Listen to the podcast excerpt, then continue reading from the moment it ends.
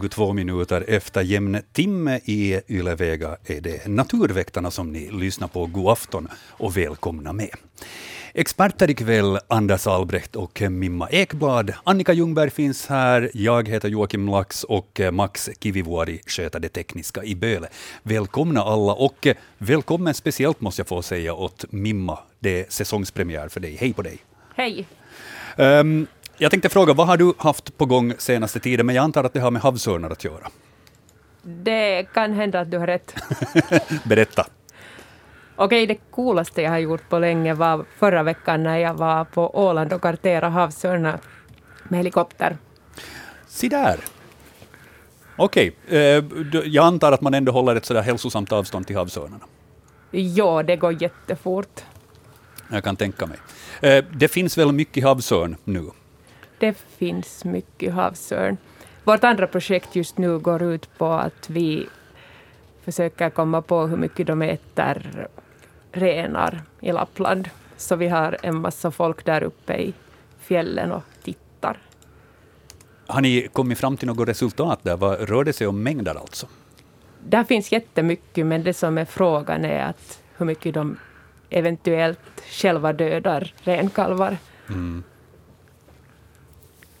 Men äh, jag tycker åtminstone i Norge så har det varit väldigt mycket tal om, om kungsörnen som, som ställer till det för speciellt, inte kanske så mycket renkalvar, men åtminstone liksom fårskötsel och liknande. Men är det havsörnen som vi har då i Lappland som, som man eventuellt upplever på samma sätt?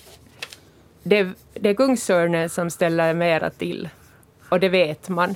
Men nu när dit har flyttat så mycket havsörnar så vill renskötarna veta att gör de också skada.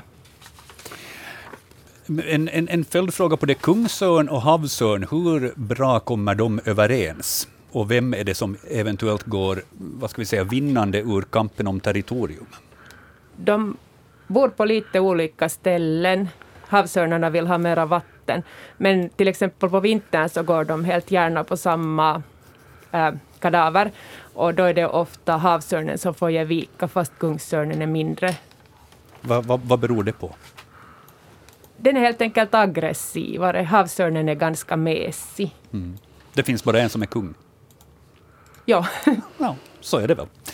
Okej, eventuellt blir det mera havsörnsprat här under sändningen, lite beroende på vad vi får in för frågor helt enkelt. Um, roligt också att Anders är med för att uh, du uh, vi klassade dig som jokern i leken i förra veckans upplaga av Naturveckan. Ja. Vi insåg att vi kommer att behöva din hjälp med några frågor, men vi får återkomma till dem lite senare här under sändningen. Hörni, om ni har frågor till oss här i studion så går det bra att skicka in dem på e-posten natursnabelayle.fi. Och eh, de frågorna som vi redan har fått in här tidigare, de har vi uppdaterat på bildbloggen. Så den kan ni följa med under sändningen, så vet ni vad det är som vi pratar om, för där finns bilderna samlade. Ni hittar den på svenska.yle.fi natur. Och så där småningom, om en 10-15 minuter, då är det dags att ta våra första samtal för kvällen. Telefonnumret till studion 0611 12 13.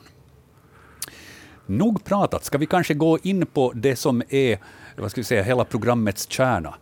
Lyssnarna ställer frågor, experterna ger svar. Um, vi kan börja med den här. Eh, den här finns i bildbloggen som bild nummer ett och om man tittar på den så har vi några svanar på bild. Ehm, Frågan som Mika har skickat in lyder så här. Vi har haft cirka tio svanar som återkommit i vår vik. Att det är mitt i vårritualerna är tydligt på flera av paren som simmar tätt och böjer halsarna. Men här på bilden är det en som dominerar och en annan som bli, blev förföljd en längre tid innan de landade vid stranden. Den förföljda gjorde till och med något jag aldrig sett en svan göra. Den dök i något som såg ut att vara ett försök att fly. Då jag gick ner till stranden efter att ha tagit bilden kunde jag stå bara någon meter ifrån dem utan att de noterade mig. Det enda som skedde var att svanen i underläge kravlade sig upp på stranden och den andra begav sig ut på, på viken med höjda vingar. Var det här bara ett frieri eller var det någonting annat? Vem har ett svar på den här frågan? Är det Mimma jag får vända mig till? Svanar har ganska strikta revir, så de brukar jaga bort sådana som kommer för nära. Och framför allt om det är en sångsvan som kommer nära en knölsvan, det är jätte-no-no. Men samtidigt så om en andfågel som egentligen inte dyker hamnar under vattnet, så då är det nog ett frieri det är frågan om. Eh, det som vi ser här på bilden, den här som, som är så där i mina ögon i underläge, den som ligger egentligen längs med strandkanten. Är det där ett pågående frieri eller är det pågående mobbning? Jag säger nog att det är ett pågående frieri, för det är så där det ser ut när de ägnar sig åt det. Okej. Okay. Detsamma gäller andra andfåglar, att till exempel gräsänder och snatteränder och sådana som aldrig annars dyker, så de hamnar ju helt under vattnet när de har sån vårkänslor för sig. Sa du att svanen var en andfågel? Nej, förlåt, en kvakanka. Du vet en sån där som flyter omkring på vattnet och inte dyker. Ja. Nej, men jag tänkte vad deras släktskap, att hur nära är de släkt? Det där vågar jag inte svara på. Ja. De är lämpligt nära släkt för de har båda vingar. Nej, de är kvakankor båda två. De, dessutom är det sådana flytande kvakankor som inte dyker. Jag har inte hört det där kvakanka förr.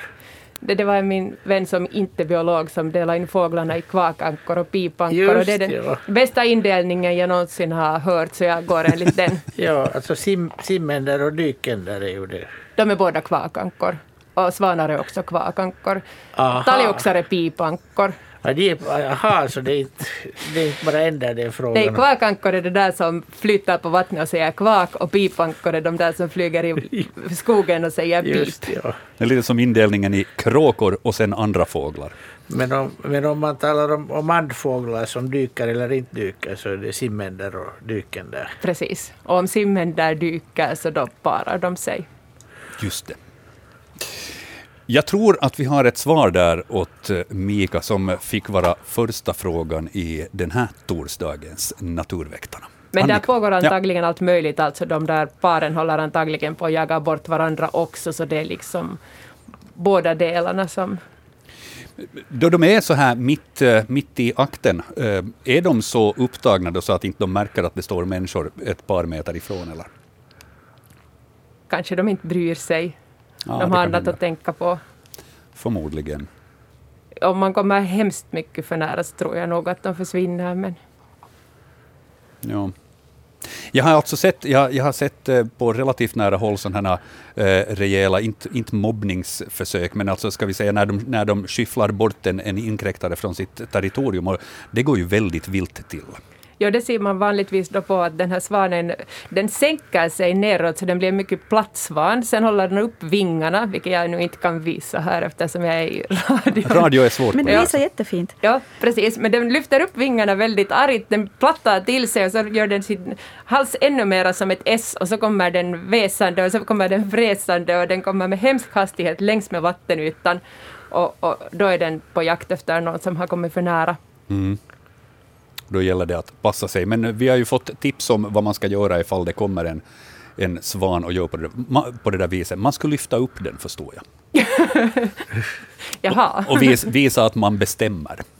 Eh, jag är så pass liten till växten så jag tänker inte ens försöka, men jag, jag, jag, tror, jag tror på det tipset.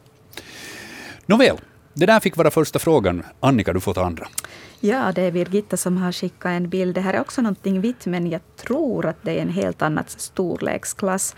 Det är en vit posa som hänger på något trävirke som har sett sina bästa dagar. Och det här är frågan. Dessa påsar hänger i vår söndriga huggkubbe i Åbolands skärgård.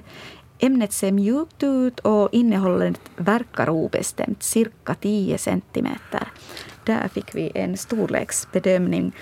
Och det där jättesvårt att beskriva någonting. Den ser liksom lite knölig ut och lite prickig. Den är kanske smutsig. Och man kan ana att den är något mjukt och inte en hård skal för den är liksom tänjd där uppe som om man skulle ha hängt upp en, en vattenballong som har gått sönder lite.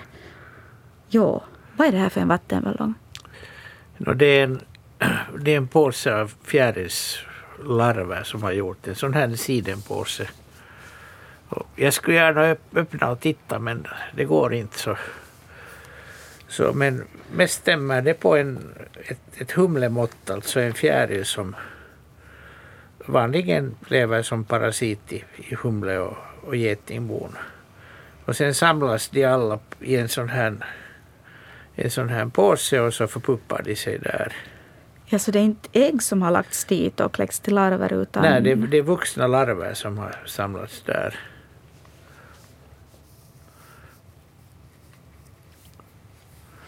Är det nu igen ett, en annorlunda taktik att någon ska överleva? När de är så många på ett ställe.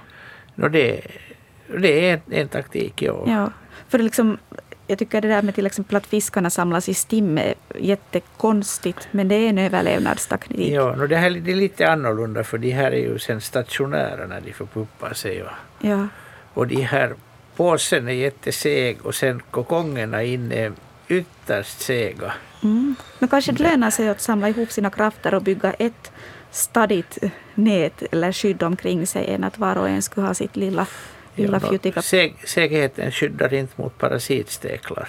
Jaha.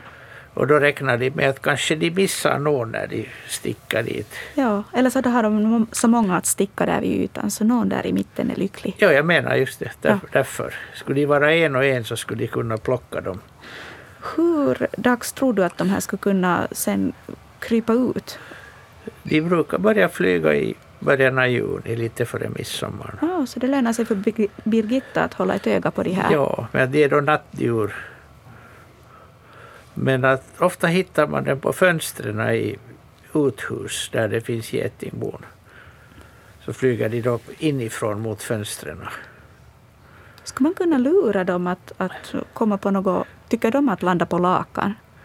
Om man har en lampa på natten så Ja. kommer de. Ja. Så då kan man sätta en lampa och lakan och gå ut tidigt på morgonen varje dag. Natt, morgon. Så man ska vara där mitt på natten. Och ja, tid på sommaren så är det mellan två och tre är bästa tiden. Låter som ett säkert sätt att skrämma barn. Och det ska vara UV, UV-ljus i lampan. Att en vanlig lampa räcker inte. Ja, precis. Jag tänkte annars lakan och lampa nattetid och springa omkring med det. så Det skulle kunna hota nattsömnen för de yngre.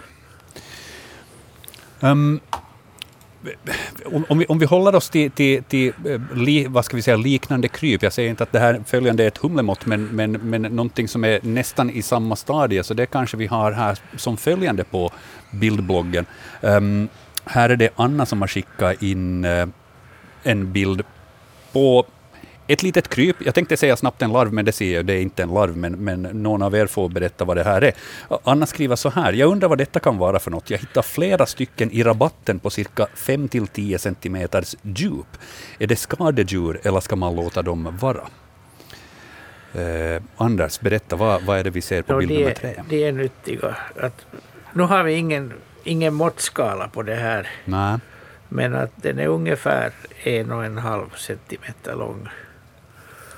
Och så där blekgul. Och har, har ben och antenner som man ser dem och lite vinganlag. Och det är pupparna av en flugbagge.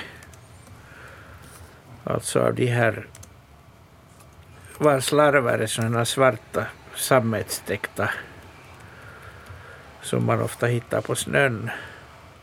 Och sen kommer den att bli en skalbagge som är svart och orange eller svart och röd. Lite varierande, det finns flera arter. Som om en tid kommer att flyga omkring i massor i trädgårdarna. Så att det är en flugbagge. Och skalbaggarnas puppor är ju sådana här så kallade fria puppor. Man ser ben och, ben och antenner på dem. Ja, det är det som gör att man ser att det inte är en larv eller till exempel en räka. Det ser lite räkstjärtaktigt ut när den är sån här böjd och ser Ja. riktigt sån där naken ut.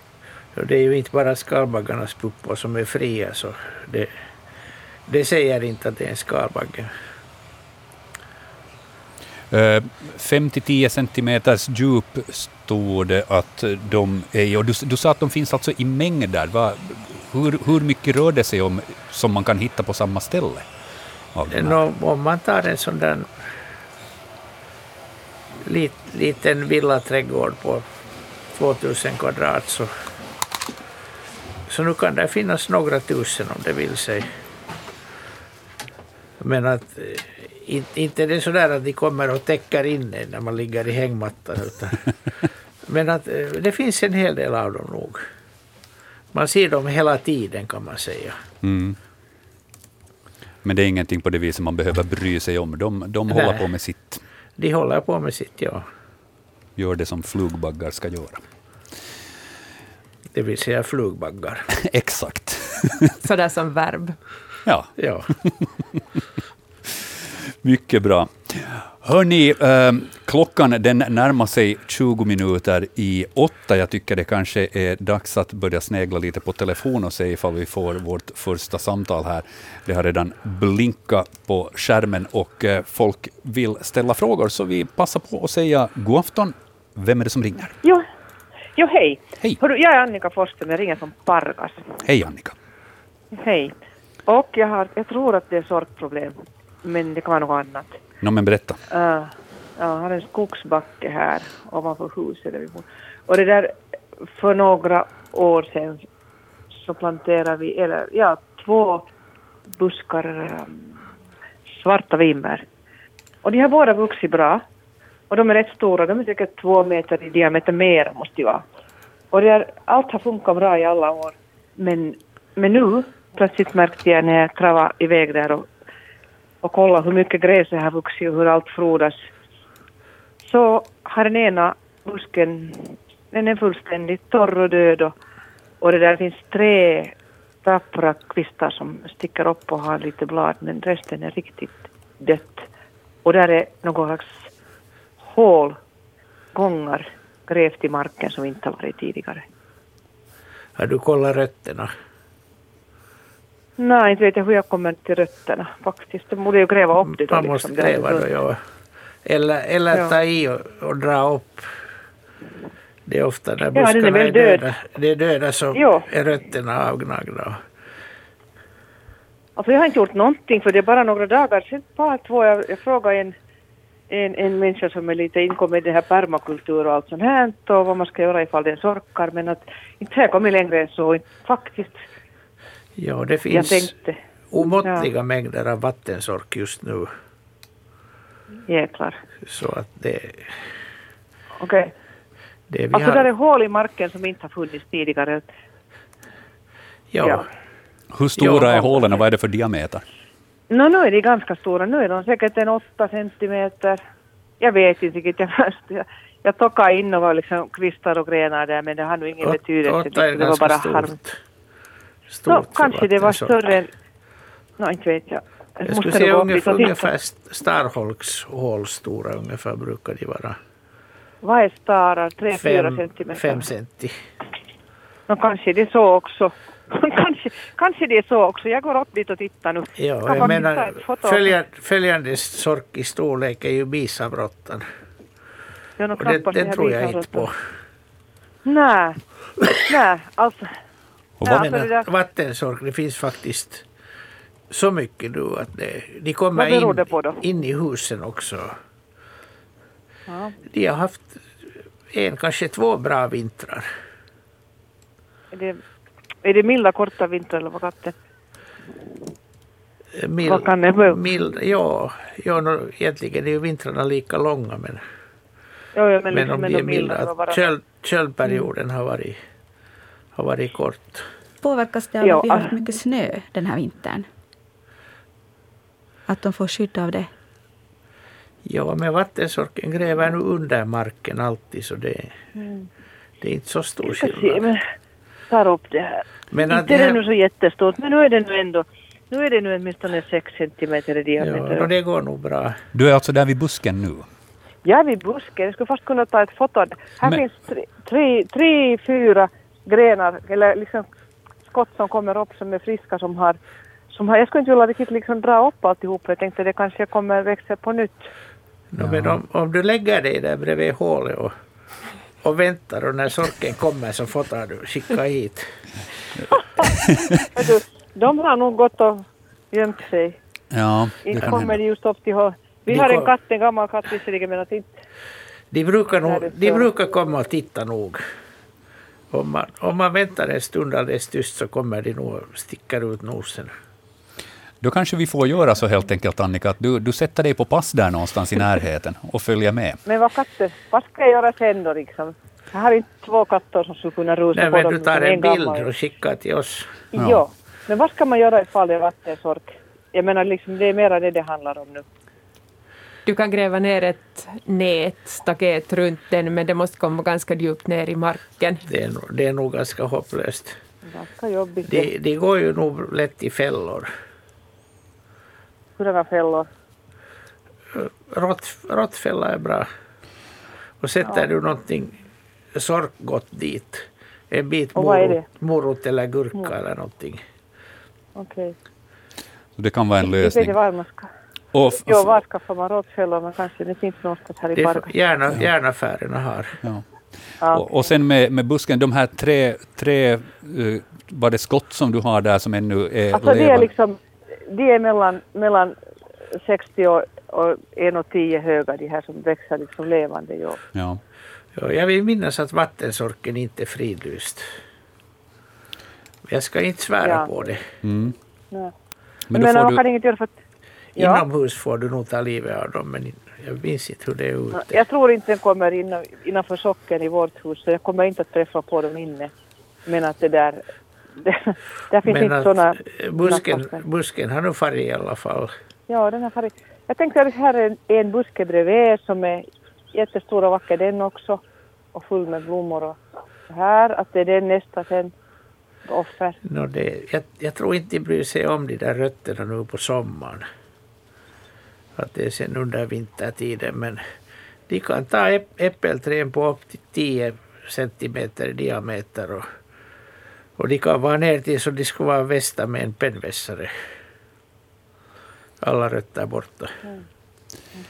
så du får lite hålla koll där på vad det är som, som springer omkring.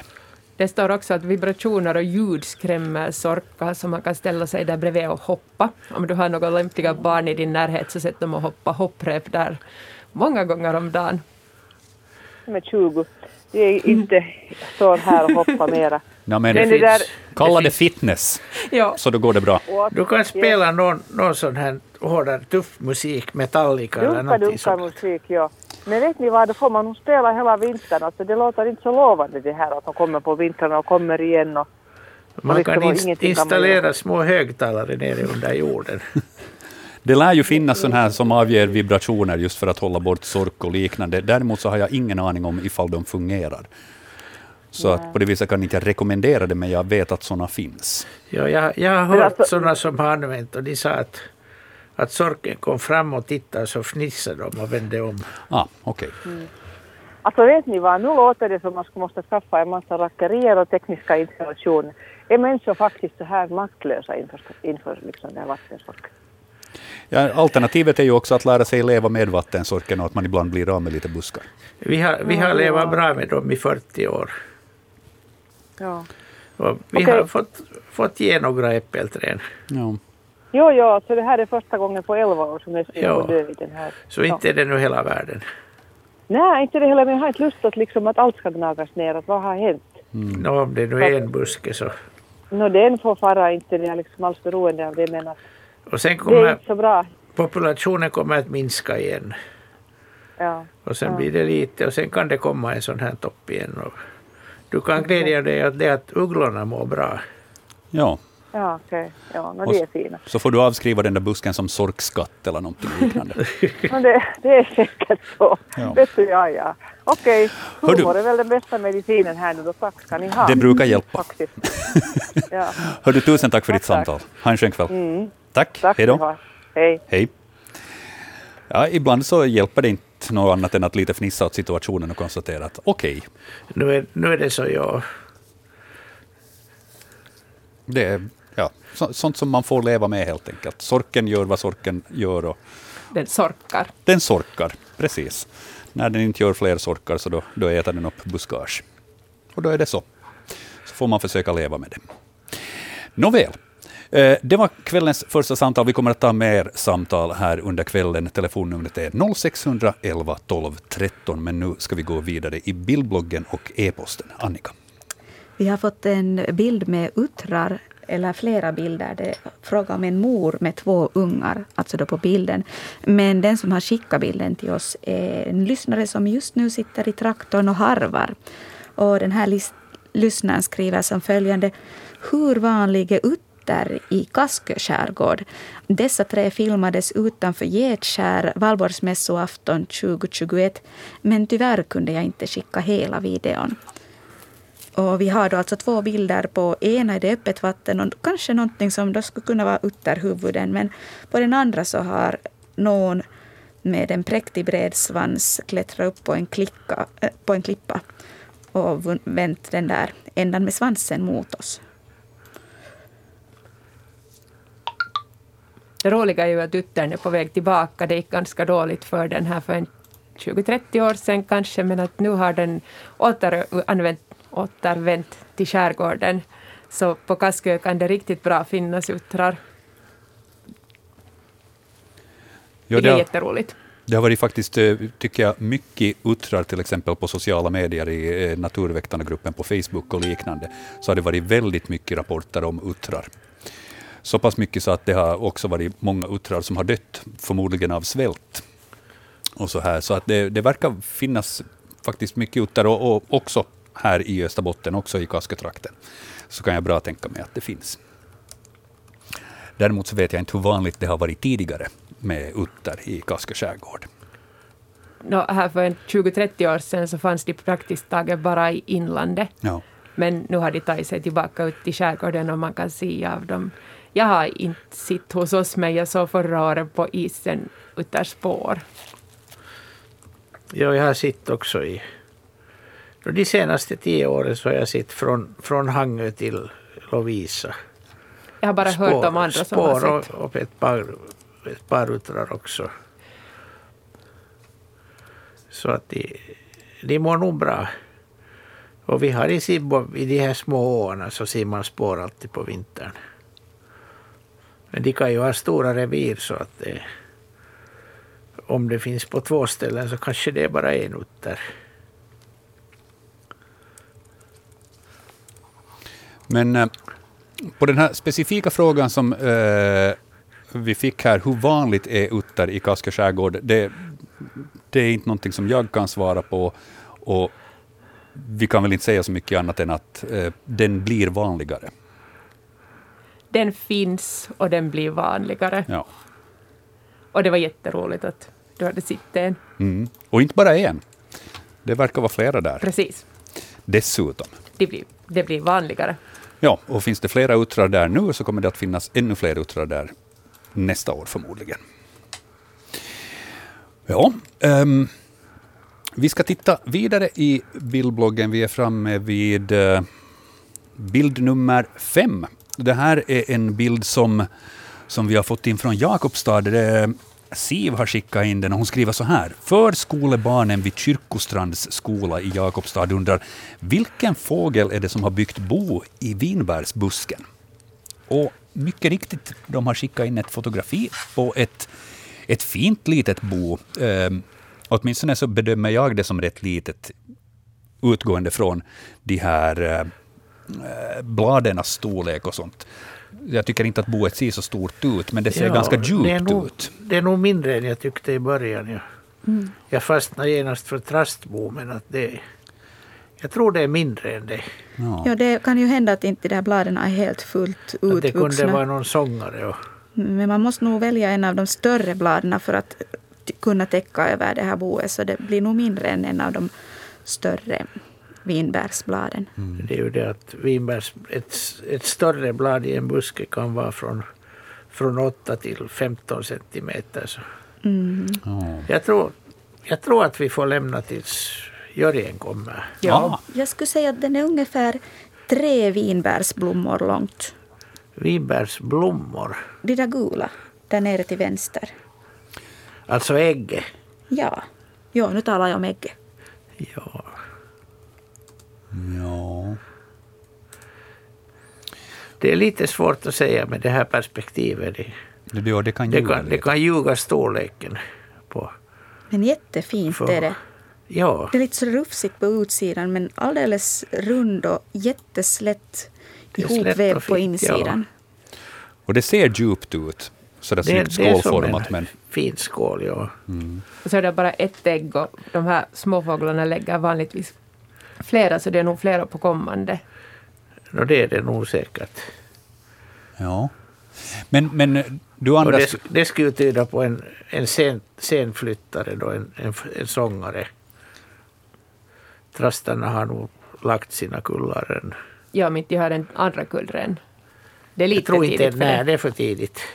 Men våra trästar flög ut. Men inte skulle de riktigt ännu när ha en ny. Nej, inte har de hunnit så långt, tror jag. Men jag tycker nog att storleken är nog inte riktigt trastklass. Men du tänkte att du spelar ut jokern och säger att Jörgen får ta den här nästa vecka. Jag tycker vi gör det. Ja, Då gör vi så.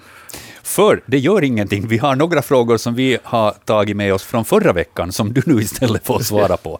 Så då, då blir det ju jämnt. Eh, på det viset. Eh, Annika, det var väl en växt som, som eh, hade bland annat skapat lite huvudbry förra veckan? Jo, det var en jättespännande växt med sån här blomma som är sån här gulgrön. Och jag tycker de är jättefascinerande. Den här har en jättefin form. Och det är faktiskt Britta har skrivit in och sagt att eh, ni pratar om en växt som växer i Hotskär. Kan det vara dess med knopp? Och den här ursprungliga bilden, eller de fyra bilderna, har Maria alltså skickat in. Och jag ska nu läsa vad Maria hade skrivit. Den 16 maj i år såg jag en växt som jag inte sett förut och undrar vad det är för en växt. Den växer i Hotskär i en ganska fuktig sluttning ner mot stranden. Där är frodigt och växer bland annat vitsippa, hassel och al. Växten är oansenlig men finns i täta bestånd inne bland vitsipporna. Bifogar bilder med växten, ja. Blomställningen, ja den finns. Växtsättet och en storleksjämförelse med vitsippa. Den bilden har vi inte i bildbloggen nu. Mm. Den här Ja. storleksjämförelsen med den- vitsippan. Men, men linjalen finns. ja. Just så här ska man göra bilder. Ja, det är dryga 10 centimeter långt när man tar från roten ända upp till den här det är en liten, blomman. En, en liten lundväxt. Det är det som är knoppen. Mm. Som hon säger. Den är inte alls så jättevanlig. Och den kan faktiskt vara sån att man kan stå mitt i ett bestånd utan att märka den. Speciellt om den inte blommar för då, är, då tittar man att det är någon nunneört eller någon ranunkel eller någonting i bladen. Vad har det för en grupp? Är det en växt med de här vits, alltså samma grupp som vitsipporna? Nej, den är, den är släkt med olvon. Familjen Adoksake. Eller vad det nu heter nu för tiden. Jag blev alldeles tyst, tyst för att jag borde veta hur olvonen ser ut. För jag har No, det, är, Gått på en det, är, det är en växtkurs med buske Anders. med, buske med vita blommor. i ja, en krans sådär. Den Ja. är hemskt söt för den. ja. Och den här har ju egentligen inga kronblad, det är en sån där grön knopp bara. Men också när man tittar på storleken jämfört med vitsippan så ser det ut som om man ska kunna ta i, eller storleken motsvarar det som blir kvar när man noppar bort blad från Ja, vitsippan. no, den, är nog, kronblad. den är nog mindre och spädare En, än vitsippan. ja, för det här består av en klas av flera, flera Ja. blombaser. Och sen de här bladen är ju inte, det är ju inte de här tre sveperna som vitsippan har. Mm. Ja, då var det mest den här storleken Ja. på blomman. Den är liksom jättefin och, och är nog värd att böja sig ner och titta närmare på den Ja. här blomställningen. Ja, den, den för de som är här i Helsingfors så finns lite här och var i våra lundar. Att lättast är den att hitta i Svartabackens lund. Är det, har dess med knoppen någon karaktäristisk doft eller någonting sånt här? Den har en liten sån där kanske kumarinliknande vad, vad skulle man säga att kumarin är? Vårbrodd ungefär. Mm. En sån här lite söt. Sådär som nyslaget hö. Okej. No, men dess med knopp, vi, vi har fått nu äntligen rätt svar på den frågan och tack också till Britta som hade påpekat kunde det vara det redan då. Det var ju rätt svar sändningen. ja. Så att rätt svar. Pluspoäng i kanten där. Ehm, vi har en till fråga som vi eventuellt snabbt hinner med innan nyheterna, som också är bara en, en vad ska vi säga, vi behöver lite hjälp här, för det här är också en fråga som blev kvar från förra veckan. Eh, då var det Valdemar som hade eh, skickat in en bild och skrivit, är det här rottryffel? Skleroderma. Vilken sort i så fall? Hur vanlig är den i södra Finland? Den här är hittad i Ingo. Det fanns några i gruppen. Verkar som om något djur bökat runt dem. Kan du utgående från den här bilden som vi har eh, berätta, är det här en rottryffel, Anders? Jag tror att det inte är det. Jag tror att det är en jordtryffel. Men mera kan jag inte säga på basen av bilden. Mm. Så att det... Tyvärr. Och vi har ingen joker att skicka det åt. nej, nej, det var, det var, vi hade tänkt att det var du som skulle ta den här. Ja, nej men det, det är nog med, med bilder och man, man borde se detaljer på den. Så det fungerar inte i det här fallet. Nej, vad är det för detaljer man skulle leta efter för att se ifall det är en Då rottryffel? det, dels så rottryfflarna är lite håriga i ytan, alltså in, invävt håriga. Och jordtryffeln är grynig. Och sen det här svarta, hur, hurdan byggnad det har. Så att man borde, helst vill, vill man ju ha svampen i handen. Mm. Men så här storleken som den har, den är ju vadå, en, en halv tändsticksask lång ungefär, diameter. Ja, det passar bättre nog på, på jordtryffel det också. Så då kanske det eventuellt är jordtryffel, men säkra kan vi inte vara. Nej, det, det ska vi inte vara. Nej. Nej, men okej, då får vi skriva eventuellt jordtryffel som vårt definitiva svar på den frågan, om ett eventuellt kan vara definitivt. Men nåja. No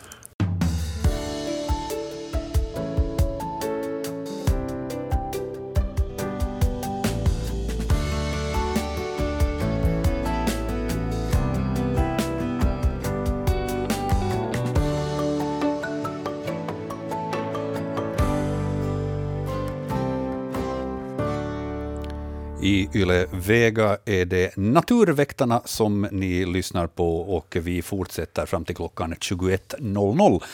Men här har vi nästan en timme tid på oss att svara på era frågor om djur och natur. Experter ikväll Anders Albrecht och Mimma Ekblad. Annika Ljungberg är också med mig och Max Kivivuori hjälper till med det tekniska. Det kommer att bli hur bra som helst. Välkomna med alla. Eh, vi var inne på gamla frågor från förra veckan som eh, behövde lite uppdateras och eh, bekräftas, för vi hade inte ett exakt svar på dem. Vi har en ytterligare sån fråga här som vi behövde Anders hjälp med. Och det här är, det här är inom ditt specialområde, vågar jag påstå. Um, En skalbagge som eh, skapade huvudbry för, för Jörgen och, och Hans förra veckan. Eh, Den finns på bildbloggen som ni hittar på svenska.yle.fi natur. Och eh, det som var knepigt med den här bilden var att vi bland annat inte kunde se hur stor den var och så här, men dina vana ögon så kan säkert berätta ändå vad det är. Tobias skrev så här. Skalbaggen på bilden har vi haft inomhus med jämna mellanrum under våren. Vad är det för en bagge och kan den vara skadlig? Ja, ja, de här råkar jag faktiskt känna jättebra. Det var de insekter jag började med som, Aha, som sexåring och, och samla på. Så så den här är bekant. den här är mycket bekant. Ja. Får jag börja med att fråga om de där vita prickarna är skräp eller hör det till den här, den här skalbaggen? Alltså som är på den. Ja. Det är skräp. Mm.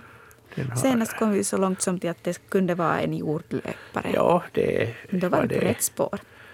Det var det. Och det är en, kallas marklöpare, släkte Calatus.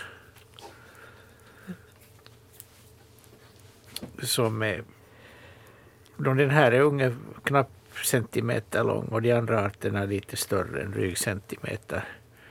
Och den här känns igen på att den har röd halssköld, den heter rödhalsad marklöpare. Och de är sådana här grundjordlöpare. Det är liksom så att säga jordlöparnas grundplan som allt varierar kring. Otroligt snabba, springer på nätterna med en otrolig hastighet. Och som speciellt kännetecken så klona, som vi nu inte ser på den här bilden, så de har, de har långa kamtänder så de är otroligt att, skickliga att klättra och springa på vad som helst. De är rovdjur och, och absolut ofarliga. Hur kommer det sig att det var just den rödhalsade marklöparen som, som du började med som sexåring? Nej, det var jordlöparna. Ja, det var jordlöparna. Just det, okej. Överlag sådär som grupp. Överlag, ja. Ja. Jagar det någonting där inne eller är det bara så att den tappar bort sig? Eh, Antagligen har den varit ute och springa och sen märker den att aj, nu stiger solen upp, nu ska jag gå in i mörker och så kilar den under dörrspringan. Man hittar dem ofta under stenar och träbitar och sådär på dagen.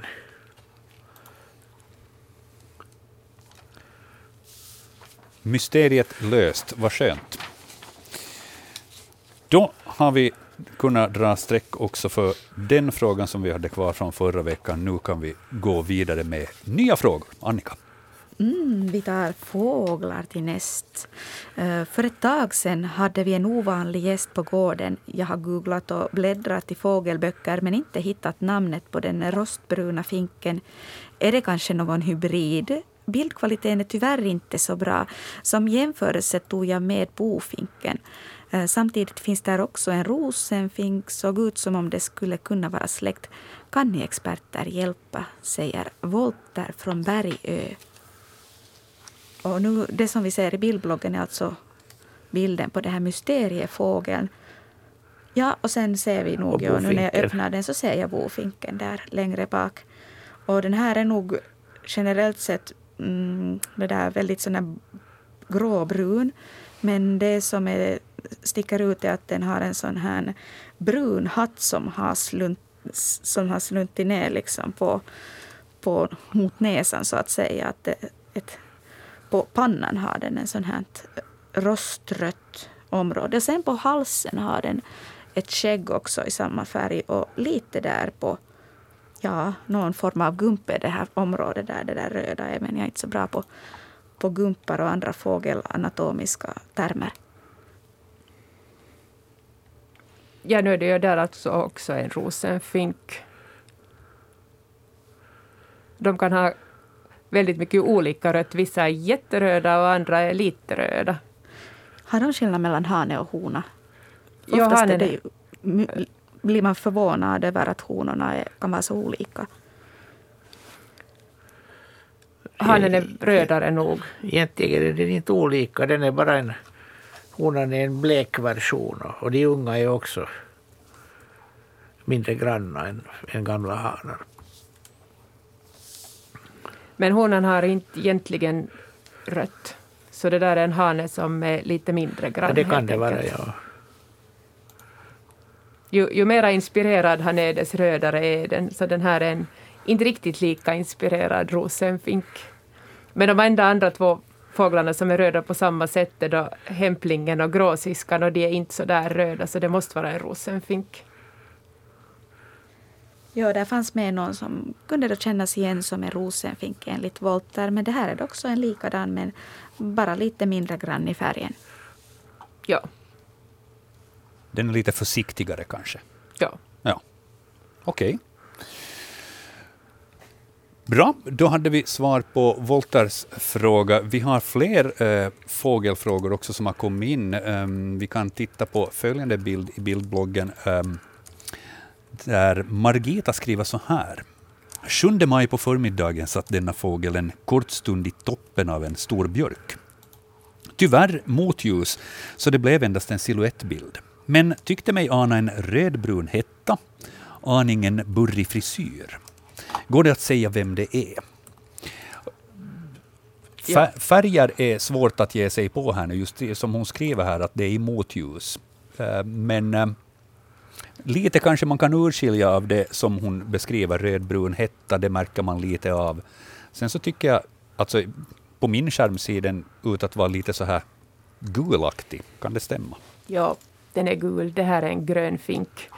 Den, den har en hemskt tydlig sån grönfinksnäbb. De äter frön och de har en sån där fröätarnäbb och en sån där kort stjärt. Och färgen är också grön. Färgen är definitivt grönfink fast den är lite otydlig på den här bilden. Mm. Så då gör det inte någonting att den försökte sätta sig i motljus för att dölja sin identitet här? När den misslyckades. Och den hör till de där som är ganska lätta att känna igen på ljudet. Den, den, den gör en massa svirranden och så kväker den ibland som en groda. Det hörs liksom... Det, det här går inte med coronamask. Jag kan inte härma en grön fink. Nu ska vi se, vänta ett ögonblick om jag får... Ungefär så där och sen säger den kvä. En gång till. det ska komma en vissling där samtidigt. Ja. Så det är en kvackanka då? nej, nej, en kväpipanka. Det här är en pipanka. Ett sånt här ljud? Ja, just det. Nej, men det där är inte något typiskt grönfiksljud. Ja. Sången. Ja, där är det där kvä som Där är kom ganska typiskt.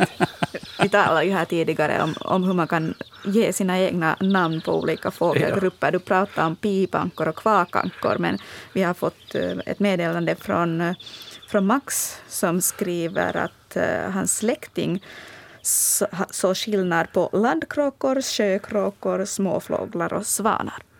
Ja, det är en fyra olika. Kakankor och pipankor är en hemskt bra sådan grundindelning. Mm. Sen kan man utveckla sig ja. till att uh, också ta land och sjö, kvakankor skilt. Eh, jag kan passa på här eh, och läsa också en kommentar som vi har fått i en tidigare fråga eh, som vi fick in som kommentar. Det gällde den här bilden på uttrar i Kaske. Här är det Christian som skriver Hejsan, vi har haft utter i Kasketrakten så länge jag kommer ihåg. Jag är själv född i början av 50-talet. Jag har sett och spårat utter speciellt på vintern där de bland annat då åkt rutschkana i min backe de senaste vintrarna. Bisamråttan däremot har försvunnit från samma område. Så det har förekommit utter. Helt klart. Christian kan bekräfta det. Mycket bra. Men okej, eh, vi hade svar på den frågan. Grön fink, det var klart i varje fall. 0611 12 13 är telefonnumret man kan ringa hit till Naturväktarna. Vi ska se vem som hör av sig nu. Vi får säga god afton. Vem är det som ringer? Ja, någon som satt på luren. Vi tar den där istället. Ja, den, den gav upp. Vi får säga ring på nytt 0611 12 13 och eh, så tar vi helt enkelt nästa fråga här nu. Vilken är vi framme vid, Annika? Det är blommor nu, va? Ja, det blir eh, maskrosor ser jag, eh, om jag ser rätt. Hälften av den här eh, to tovan av maskrosor ser väldigt spännande ut, så vi ska få höra vad det handlar om. Det är Harriet som skriver att på Pyttis svenska skolas gård finns en maskros som är något utöver det vanliga. Vad beror det märkliga utseendet på? Det ser ut som helt någon annan växt. Den ser liksom som en orangegul tistel kanske. Den har nog säkert kronblad men de är väldigt annorlunda. Um, och är sån gröngula i basen och blir röda mot toppen.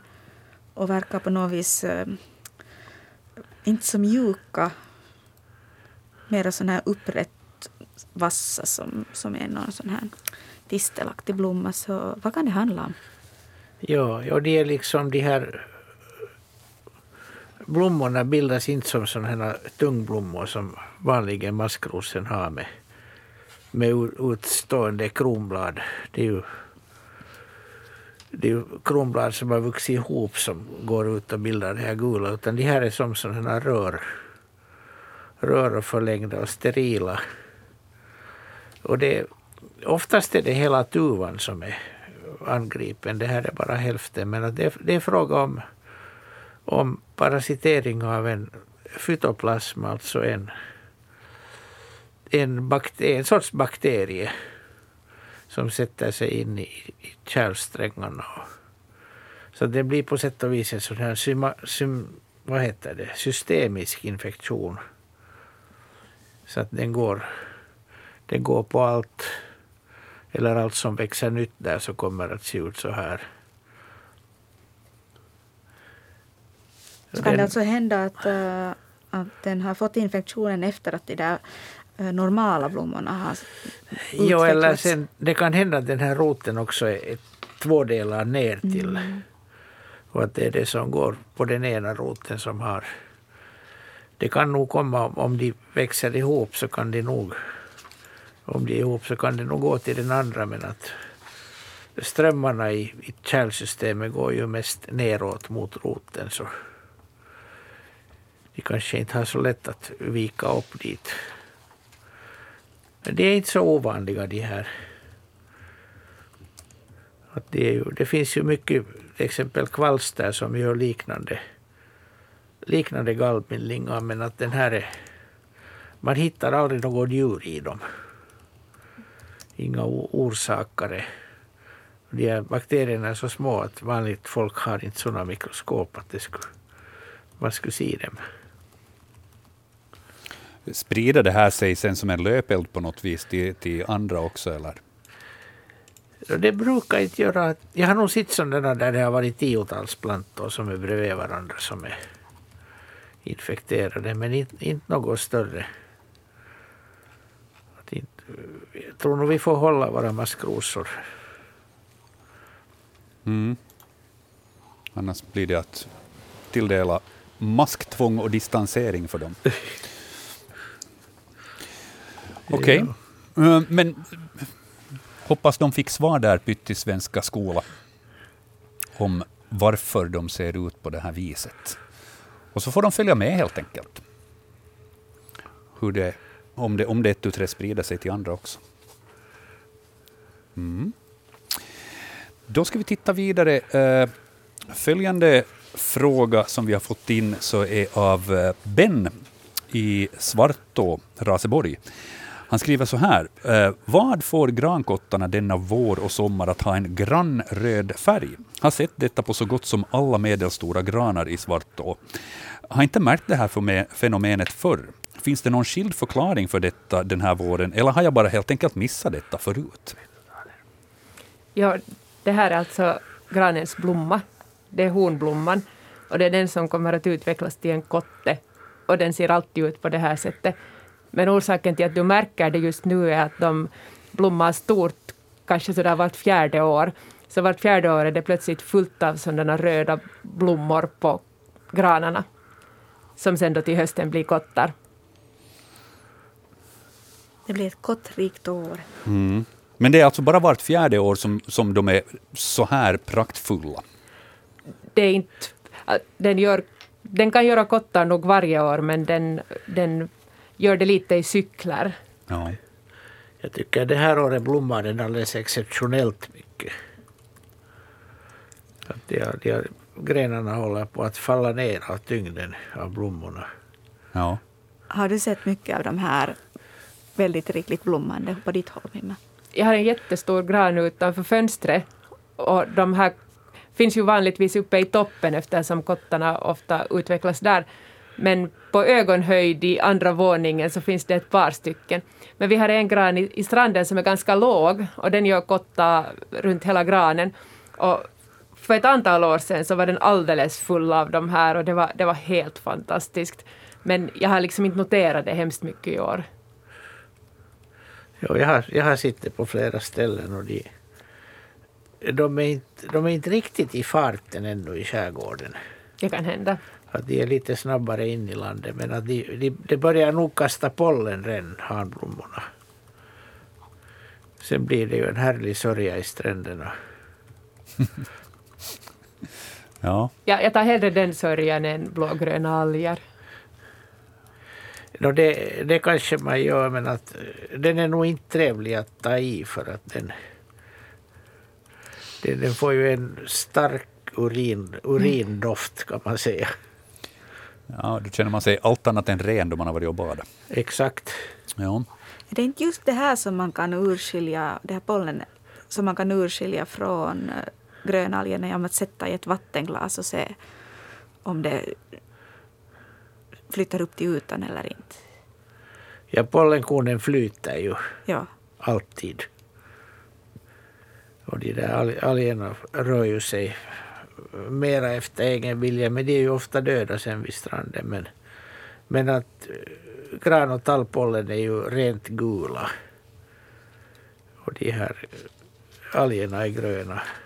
Och blir ju sådär äckligt ärg, ärgblå sen.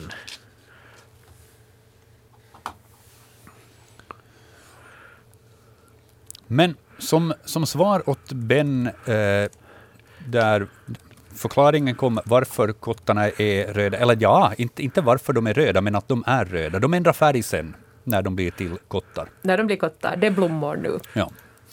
Inte, inte förstås inte, inte fröblommor, men det är liksom som motsvarar det på granarna. Precis. Och eh, jo, han har nog bara missat det här tidigare, för att det här är inte årligen förekommande i den här graden, men Precis. ändå. Och det är helt okej, man märker inte alltid. Och sen, men once you see it, you can't unsee it. Ja, precis. Det här kommer att bli den där grejen som man alltid går och tittar efter sen, varje Ja. vår. Och så konstaterar man, ja just ja, det har gått fyra år sedan senast, nu är de så där stora och granna igen. Men det är inte så exakt, man kan inte räkna med att det är vart fjärde år, men det är liksom med några års mellanrum. Okej, ingenting man ställer klockan efter. Och till exempel i norr så kan det vara sådär en 9-10 års mellanrum. Men man, man kan ana sig till det redan på vintern för att de här före den här blomningarna så är ekorrarna och äter biter skotterna. För att de äter av de här små små blomknopparna på vintern. Så att på vårvintern före, före de här blomningarna så kan marken under granarna vara fulla med avgnagda små, små granskott. Och det där fick vi ju in frågor om tidigare här under våren till Naturväktarna. Då kom det bilder just på avätna grankvistar som låg som en matta under granarna. Så, så okej, det hör ihop. Det hör ihop, ja. Helt klart. Mycket bra. Ben fick svar på sin fråga där. Annika? Jag tänkte att vi skulle hänga kvar här i trädvärlden en stund och sen kanske släppa taget lite som det här Ludde har gjort som jag har på bordet. Vi har nämligen fått ett paket som jag tänkte ta upp nu uh, idag. Det är svårt att veta vem som har skickat. Det här är väldigt anonymt, det här brevet som vi har fått. Men då kan vi istället koncentrera sig på att känna igen vad det finns här i brevet. Vi har fått ett fotografi som finns att se på bildbloggen. Det är den sista bilden i bildbloggen. Där är fotografin på en sån här eh, gran, tall, skog. Och på ett öppet område är det någon torr gren där det hänger någonting långt, luddigt, så där lätt som med vinden flyger lite åt sidan. Den är sån här lång smal korv av något ludd. Och tack och lov så har vi nu ludd här i studion. Och det där, jag är glad att jag inte är expert. Mm, jag kan läsa upp brevet istället. Vad är det här? Hängde många dagar fast på gamla ekens kvist. Hade fallit ner när det hade regnat två dagar, så vad kan det vara? Och det där, um, då när vi är färre i studien så luktar jag på det här, så ingen, ingen spännande lukt.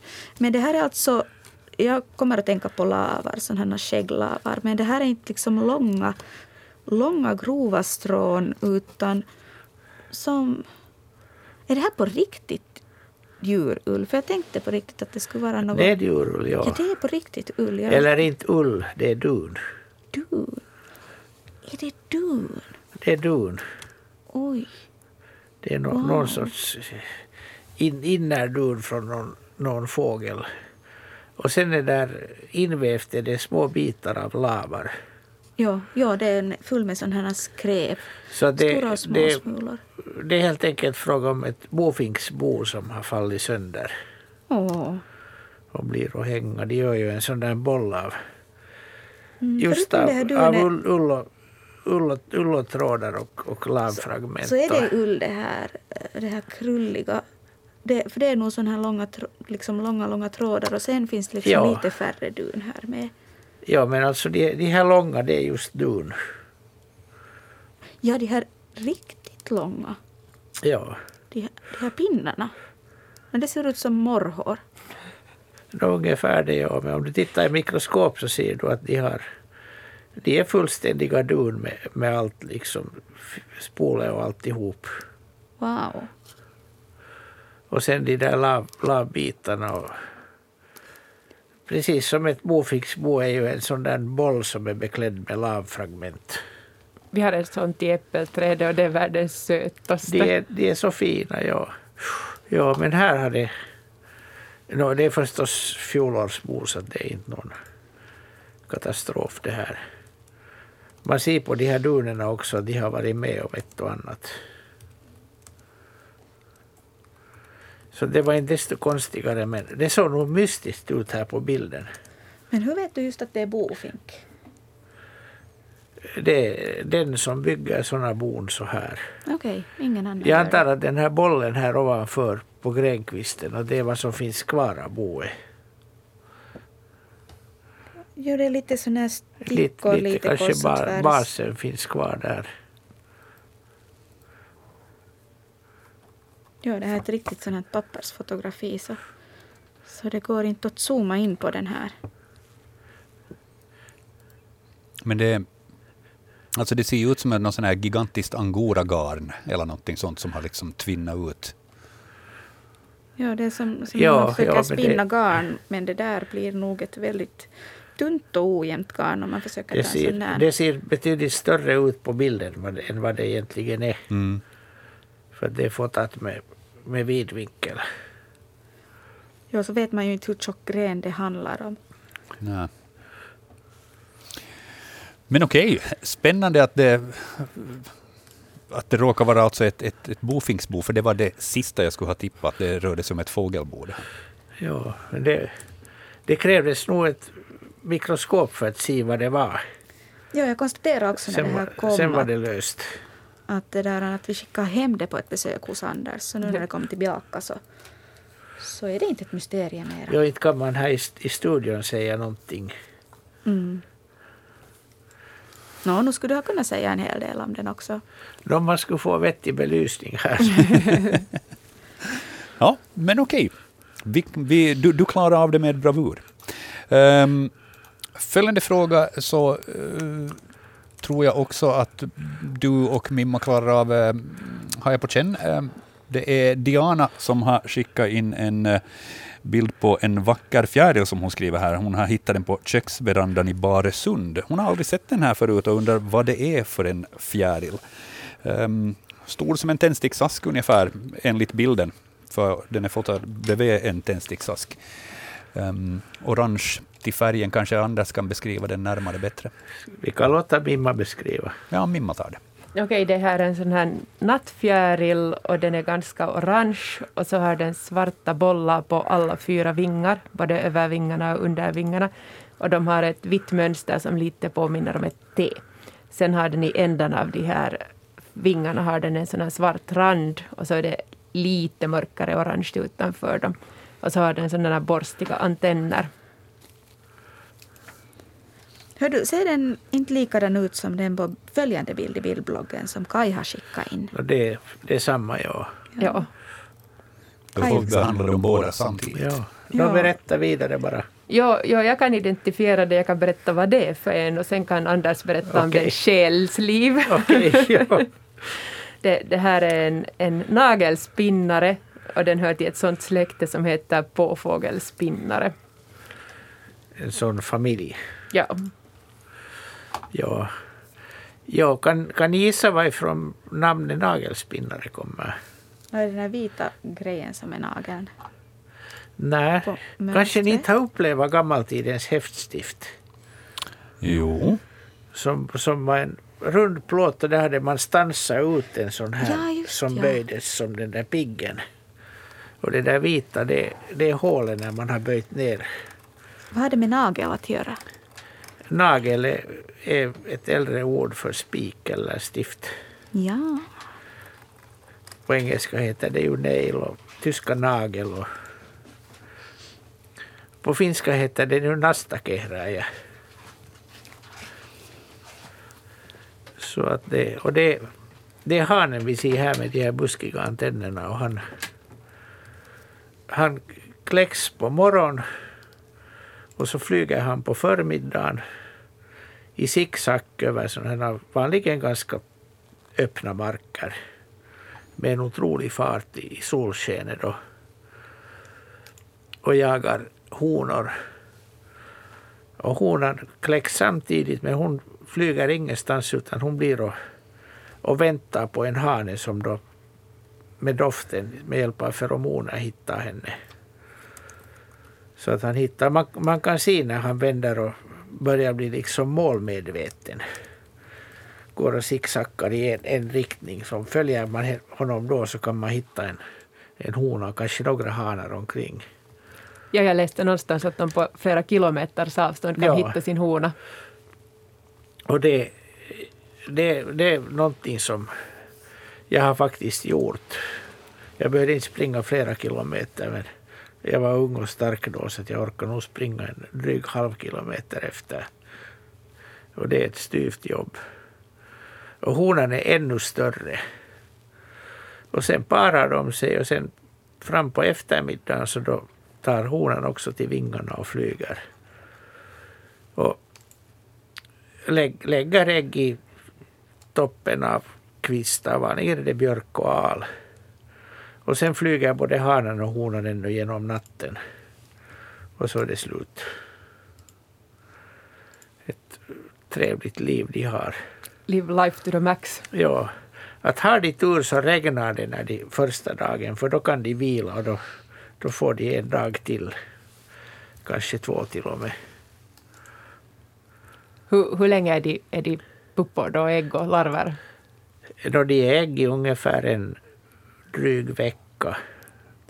Och så de larver fram till augusti. Och puppar då fram till följande vår. Och sen är det igen fjärilar i, i två dagar. Så att om, om man tycker att fjärilen är liksom det fullbordade så då är det synd om dem. Men tycker man att larven det är ju livet det, så då är de ganska lyckliga egentligen. Där hade vi alltså eh, nagelspinnare, sa du att den Ja. hette. Ja. Då ska vi se ifall vi... Ja, vi hade ett telefonsamtal på gång här, men det försvann. Vi ska se ifall de ringer på nytt. Ja, där har vi ett samtal på tråden. Vi ska höra oss för vem som ringer. God afton, vem är det som hör av sig? Hej, det är Martin Bäckman från Sibbo här. Hej, vad har du för en fråga?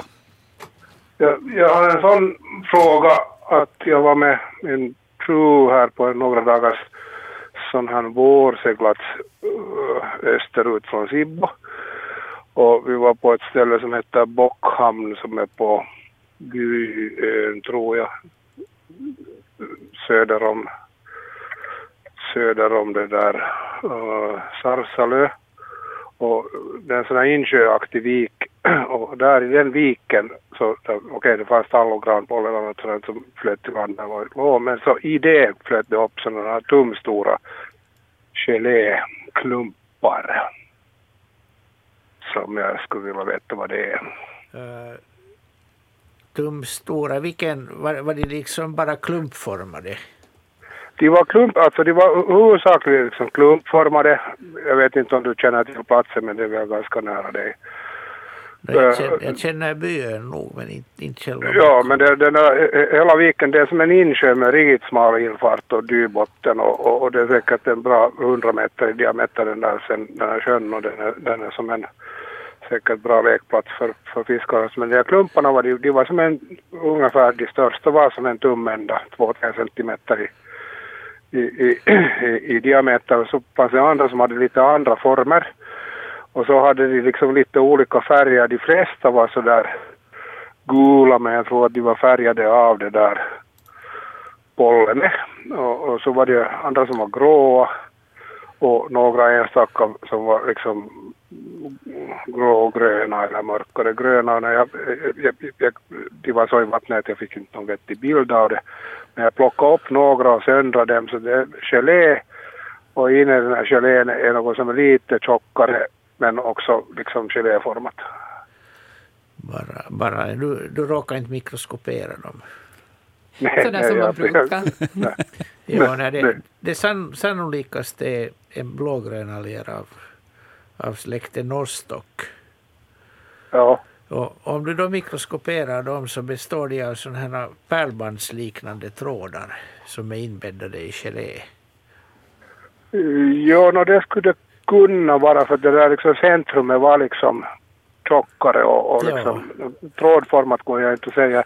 Det som var det intressanta att sen vid, vid sidan om det att det var då på samma ställe kom in då ett stort stim av som är antingen nors eller, eller strömming, någon där Ah, ja. 10-15 10-15 centimeters fiskar som åt dem alla.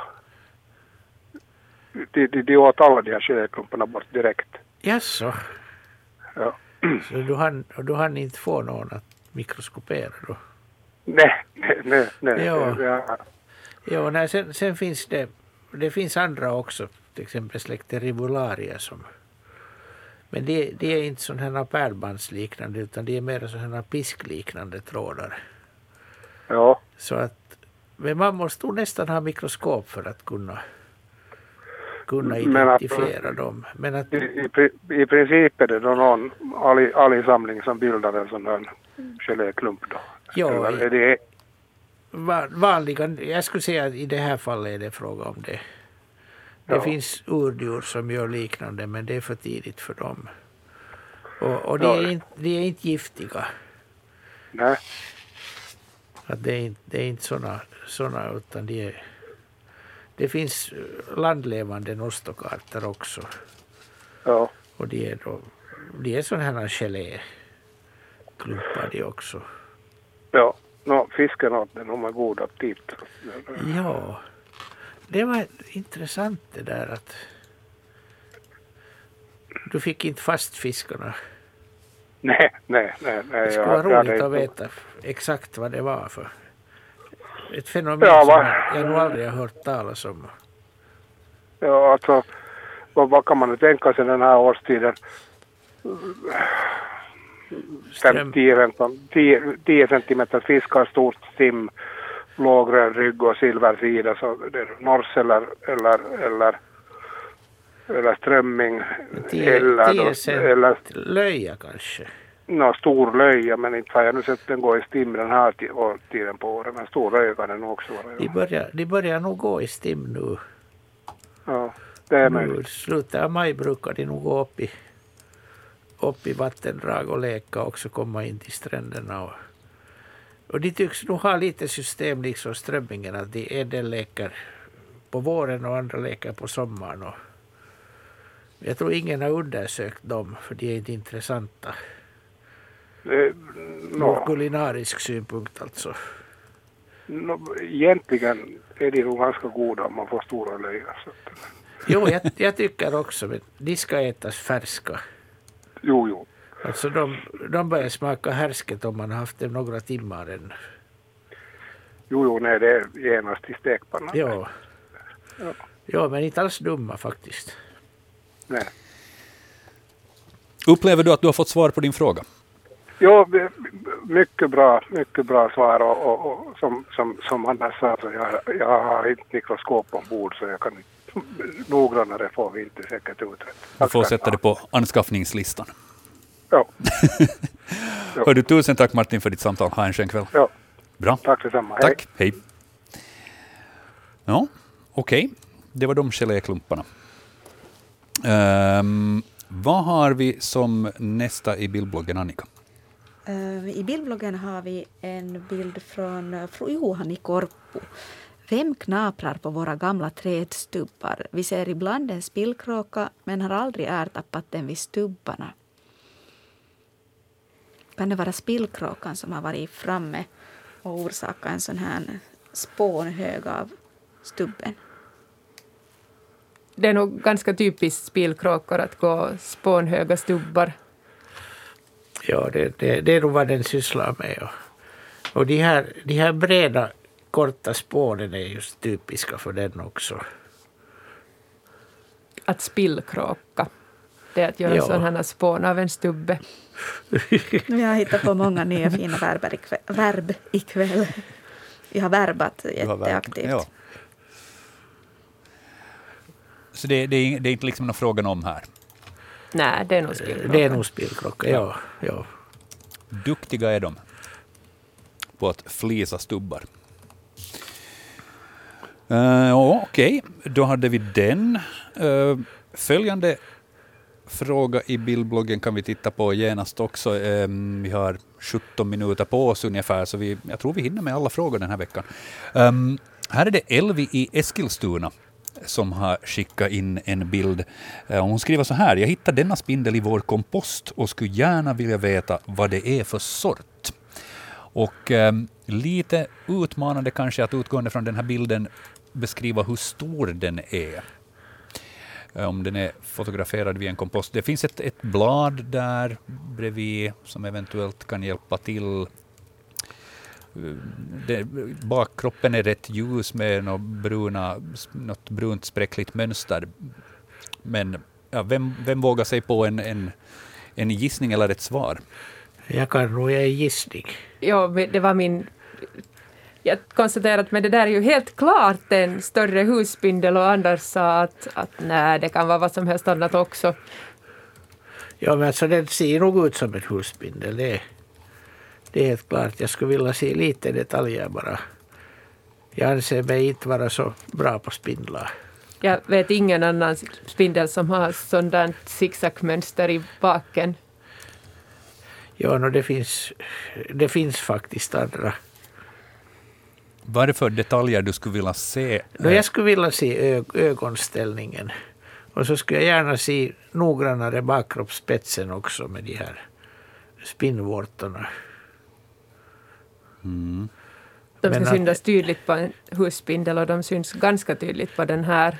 Ja, men man, man borde se dem, se dem ännu liksom. Man borde se hur, hur, hur de är ledade. Och Problemet är det att det finns lite för mycket spindlar. Att de inte kan stå på rad och berätta vad de heter. Ja. Arachnofober tror jag också skulle ha samma åsikt, att det finns på tok för mycket spindlar. Men Alltså jag, jag tror att en, en som är verkligt bra och känner alla våra spindlar skulle genast säga. Och antagligen säga husspindel. ja, Men eh, jag är inte någon sån. Och, och min spindelrepertoar så är liten så jag säger det där är en husspindel. Ja, no, det, det är det man inte får göra. visast är den som vet vad han inte vet. Precis. Eller hur är det man brukar säga? Eller åtminstone, man ska vara försiktig för att det är genant sen när man har gjort bort sig. Ja, Och det, det gör vi ju ändå ibland. Men att sånt händer ibland, kommer det bergsäkra svar som vi sedan får backa från. Men, men, det, det har vi gjort med jämna mellanrum, ja. ja. Eh, Vad, vad kunde det vara för spindel om det inte är en uh, husspindel? Vad finns det liksom för alternativ? Kanske vi, kanske vi lämnar bort den. Det blir en lång diskussion förmodligen och så tollar vi in oss Jo, nej, inte vi det, kan backa det, från det jag, jag, jag är åtminstone inte så säker på spindlar att jag skulle gå ge mig in på, Nej. på det. Men vi säger då åt Elvi i Eskilstuna att det är eventuellt en husspindel. Men ifall den här dyker upp, eh, så fler fotografier, eh, lite närmare, och så att man kan se ögonställningen och, vad sa du, bakkroppsspetsen.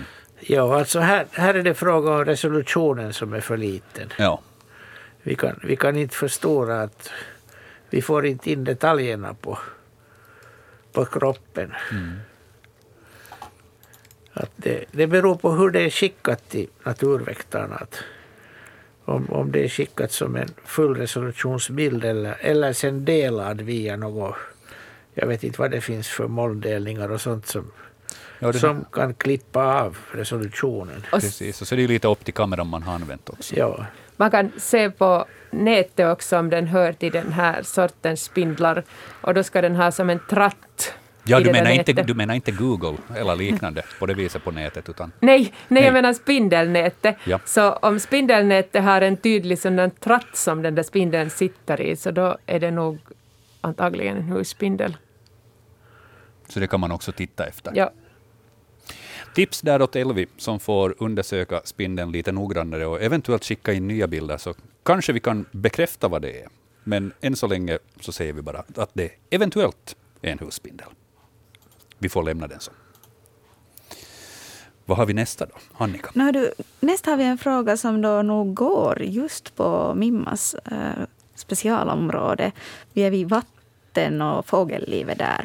Det är Berit som skriver att storspoven kom hit den 20 april i år. Vi har haft storspov häckande i decennier och två gånger har jag sett dem på nära håll. Ena gången var de två stycken på vår gräsmatta. Är det samma storspov som kommer år efter år eller är det vilken som helst storspov som hinner hit först? kommer kanske spovungarna tillbaka hit när de blir vuxna. Spoven drillade här hos mig i Östnyland för två timmar sedan. Hur är det med storspovar på Åland? På finska talar man numera om kuovi istället för isokuovi. Hur är det på svenska? Ska vi använda namnet storspov? Ska vi börja backa? Ja, vi använder storspov. Och på Åland, jag var ju alltså just på Åland och karterade havsörnar, och det finns storspovar på Ålands flygfält. Där hör man dem drilla, så det finns storspovar på Åland. Um, och sen om deras häckning, så de, de är ganska de kommer till, tillbaka till samma ställe när de har hittat ett ställe som de trivs på så är de, bor de ungefär på det stället i resten av sitt liv om det där stället bara hålls intakt. Men sen händer det ju att, att där blir några störningar och då flyttar de förstås. Men uh, de, uh, de är ganska... Dessutom så håller de sig för det mesta med samma partner, men de försvinner någonstans sen över vintern och det där övervintrar och sen när de kommer tillbaka så blir de då och väntar på den andra partnern och hoppas att den kommer tillbaka och kommer den tillbaka så fortsätter de häcka med den där. Men kommer den inte tillbaka så vissa blir bara och väntar och andra tar sen en ny partner. Men det är antagligen samma storspovar och storspoven kan bli nästan 20 år gammal om det om det vill sig väl så de kan ha varit med länge. Tyvärr har den ju försvunnit nästan helt härifrån. Härifrån? Våra trakter, ja. Ja. Den är, den är, men att åker man upp till östra Finland längs gränsen så där finns storspo på varje liten teg. De, de klarar inte av de här eh, nya åkerbruket som vi har här. Och I något skede så bodde de i skärgården och här hos oss bor de inte. Men jag såg faktiskt en stor spov i Esbo skärgård. Men jag har inte sett dem häcka. Men uppe i Bottenviken så bor de ute på öarna så där finns sådana öspovar. Ja, man, man kan se här också något enstaka men att de där, de där åkerspovarna som jag var van med som ung. Det drillar på varenda en åker när man cyklar omkring här i stan. Och och på landet, var man än var så var det, de är borta. Har du Joakim spovdrill där?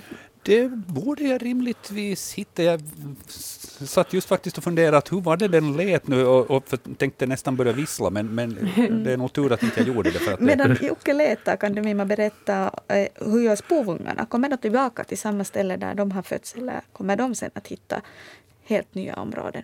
Det, det vet jag inte. Så det borde vi fråga spovarna då. Ja, de är ju, de är ju, de är ju kö, de kötta bara av pappan. Ja, det... Spovarna. Honan, honan lägger ägg och så sticker hon. Ja, det är bra. Tvärtom mot vad ejdrarna gör. Vad är det här? Är det här en stor spov? Det är en rördrom. det, det, står att det ska vara en stor spov, men det var det nog inte. Jag tänkte också att det, det där var någonting märkligt. Om man inte hade just den bästa kvaliteten på ljudet i sin bilradio så var det ett sånt här dovt ja. hoande mm. som när man blåser i en, i en flaska. Här, här har vi det.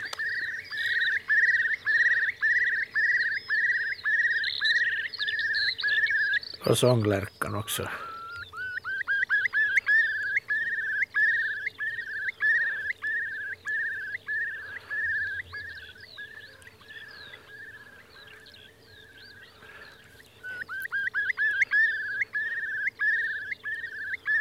Ja, det är härliga drillar. Det, är, det kan ju hända förresten att de finns på Malms flygfält. Ja, men man får ju inte flyga där mer. Hur, hur bra förstår ni spovspråk? Berättar den om, om de där ungarna? Att uh, återvänder de till stä- stället där de har kläckts? Nej, Nej, den, vi fick inte svar av Nej. spoven heller. nej, den sa nog helt andra saker. Det hade med varning att göra. Okej. Är det mera sådär att jag varnar dig, kom inte hit? Eller är det sådär att akta, akta, det kommer någon? Nej, det, jag är så här het, jag är så här het. Ja. Det var ett sånt ljud. Ja. Just det. Fint var det, oavsett. Ja, man saknar det nog här. Det var hemskt roligt att höra det där på flygfältet. Ja, ja det, var- det var ju som när jag var ung och cyklade omkring här i Helsingfors. Så det hördes överallt på alla åkrar och fält. Tänkte säga att det är det bästa man kan höra på ett flygfält. Jag har saknat dig, kom hit. Det ja, det, men det har ju varit relativt hyggligt nu på flygfälten under coronatiden. Ja, Ja, ja det är bra med plats. Ja, Hörni, från Storspov så ska vi flytta oss ner till, till eh, riktigt nära marknivå. Eh, vi har eh, en bild på bildbloggen, bild nummer 17, som vi ska titta lite närmare på. Eh, det är Maria som har skickat in den här bilden. Eh, hon hittade den här snigeln i trädgården och trodde först att det var en orm, för den var så stor. Men vad är det för en snigel? Och är det vanligt att de är så här stora? Eh, och vad ska vi titta för, som jämförelse? Vi har någon maskrosblad. Vi eventuellt. brukar alltid säga om vi ser talbar, men det här är Talbar. nu gräsmatta. Eventuellt finns det kanske ja, något. den närmar sig, närmar sig 15 centimeter. Mm. En väldigt liten orm i så fall. Men visst, den ser ganska stor ut nu. 15 centimeter är rätt stort. Det är rätt stort för, för ett litet djur. Ja. Men Marias fråga, vad, vad är det här för en snigel? Den heter gråsvart kölsnigel. Ja, den har ett jättedumt namn på svenska. Det låter som om den skulle vara ovanlig. Och Ja. jag menar, inga vanliga arter heter något så här stolligt. På Det- finska heter den ukko etana och det betyder ju bara att den är, den är stor och den är vanlig. Ja. Men den är, den är ju inte en sån där som, som mördarsnigeln som kommer i flockar utan den är, den är en enstöring, en skogsart.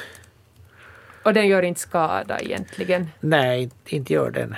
Den kan ju äta lite svamp men att Men den äter inte upp trädgårdsväxterna. nej. Så den är helt... Den är, den är helt sympatisk, ja.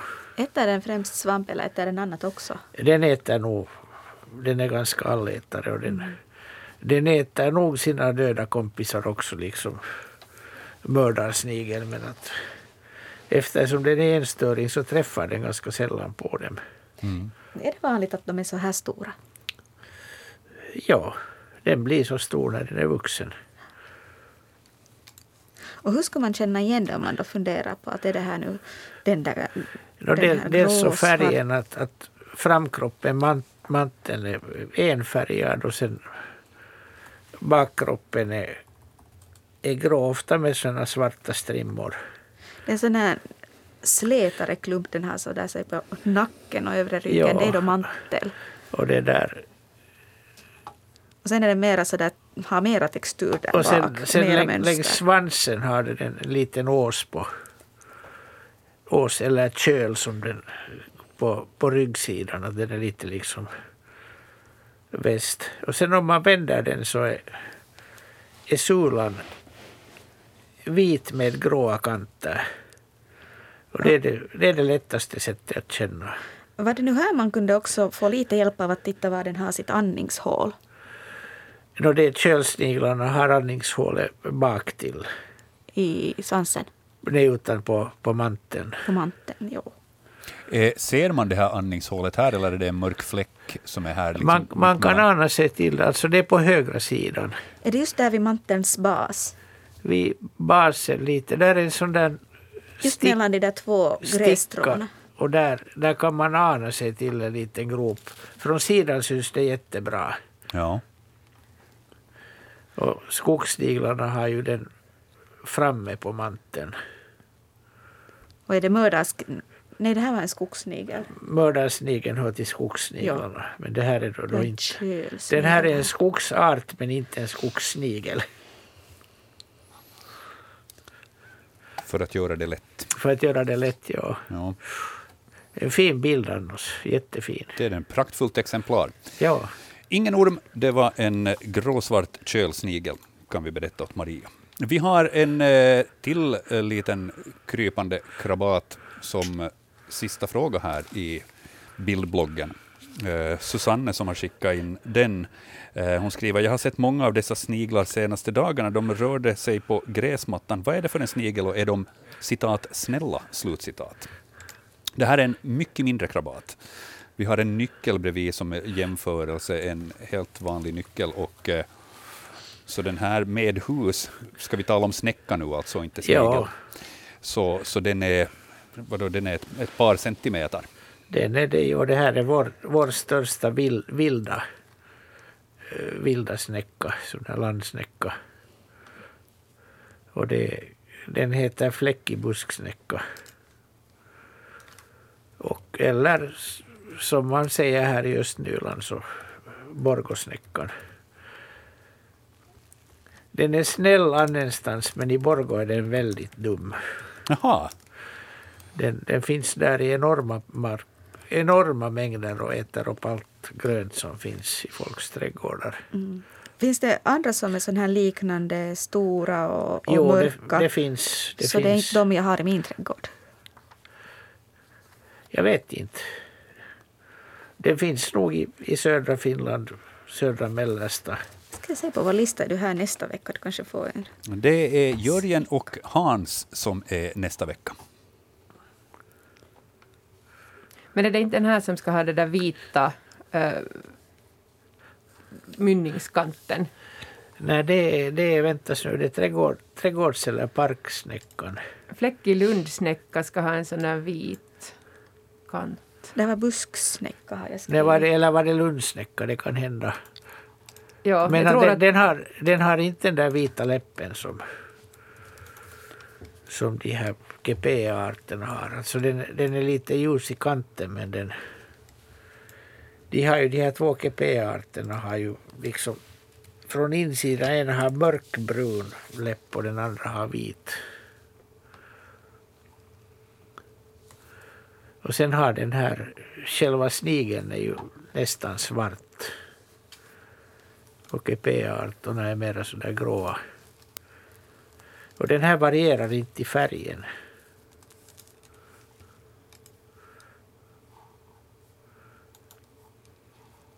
Snäll var den så länge den inte förekommer i så stort antal. Ja, den, den är alltid snäll men att det, det är ju vi som skapar alla skadedjur. Exakt. Allt handlar om perspektiv och inställning, tydligen. Ja, och vad man, vad man, vad man bjuder. Jag menar om man, om man planterar ut härliga växter och säger varsågod så ska man inte vara sur och de kommer att äta.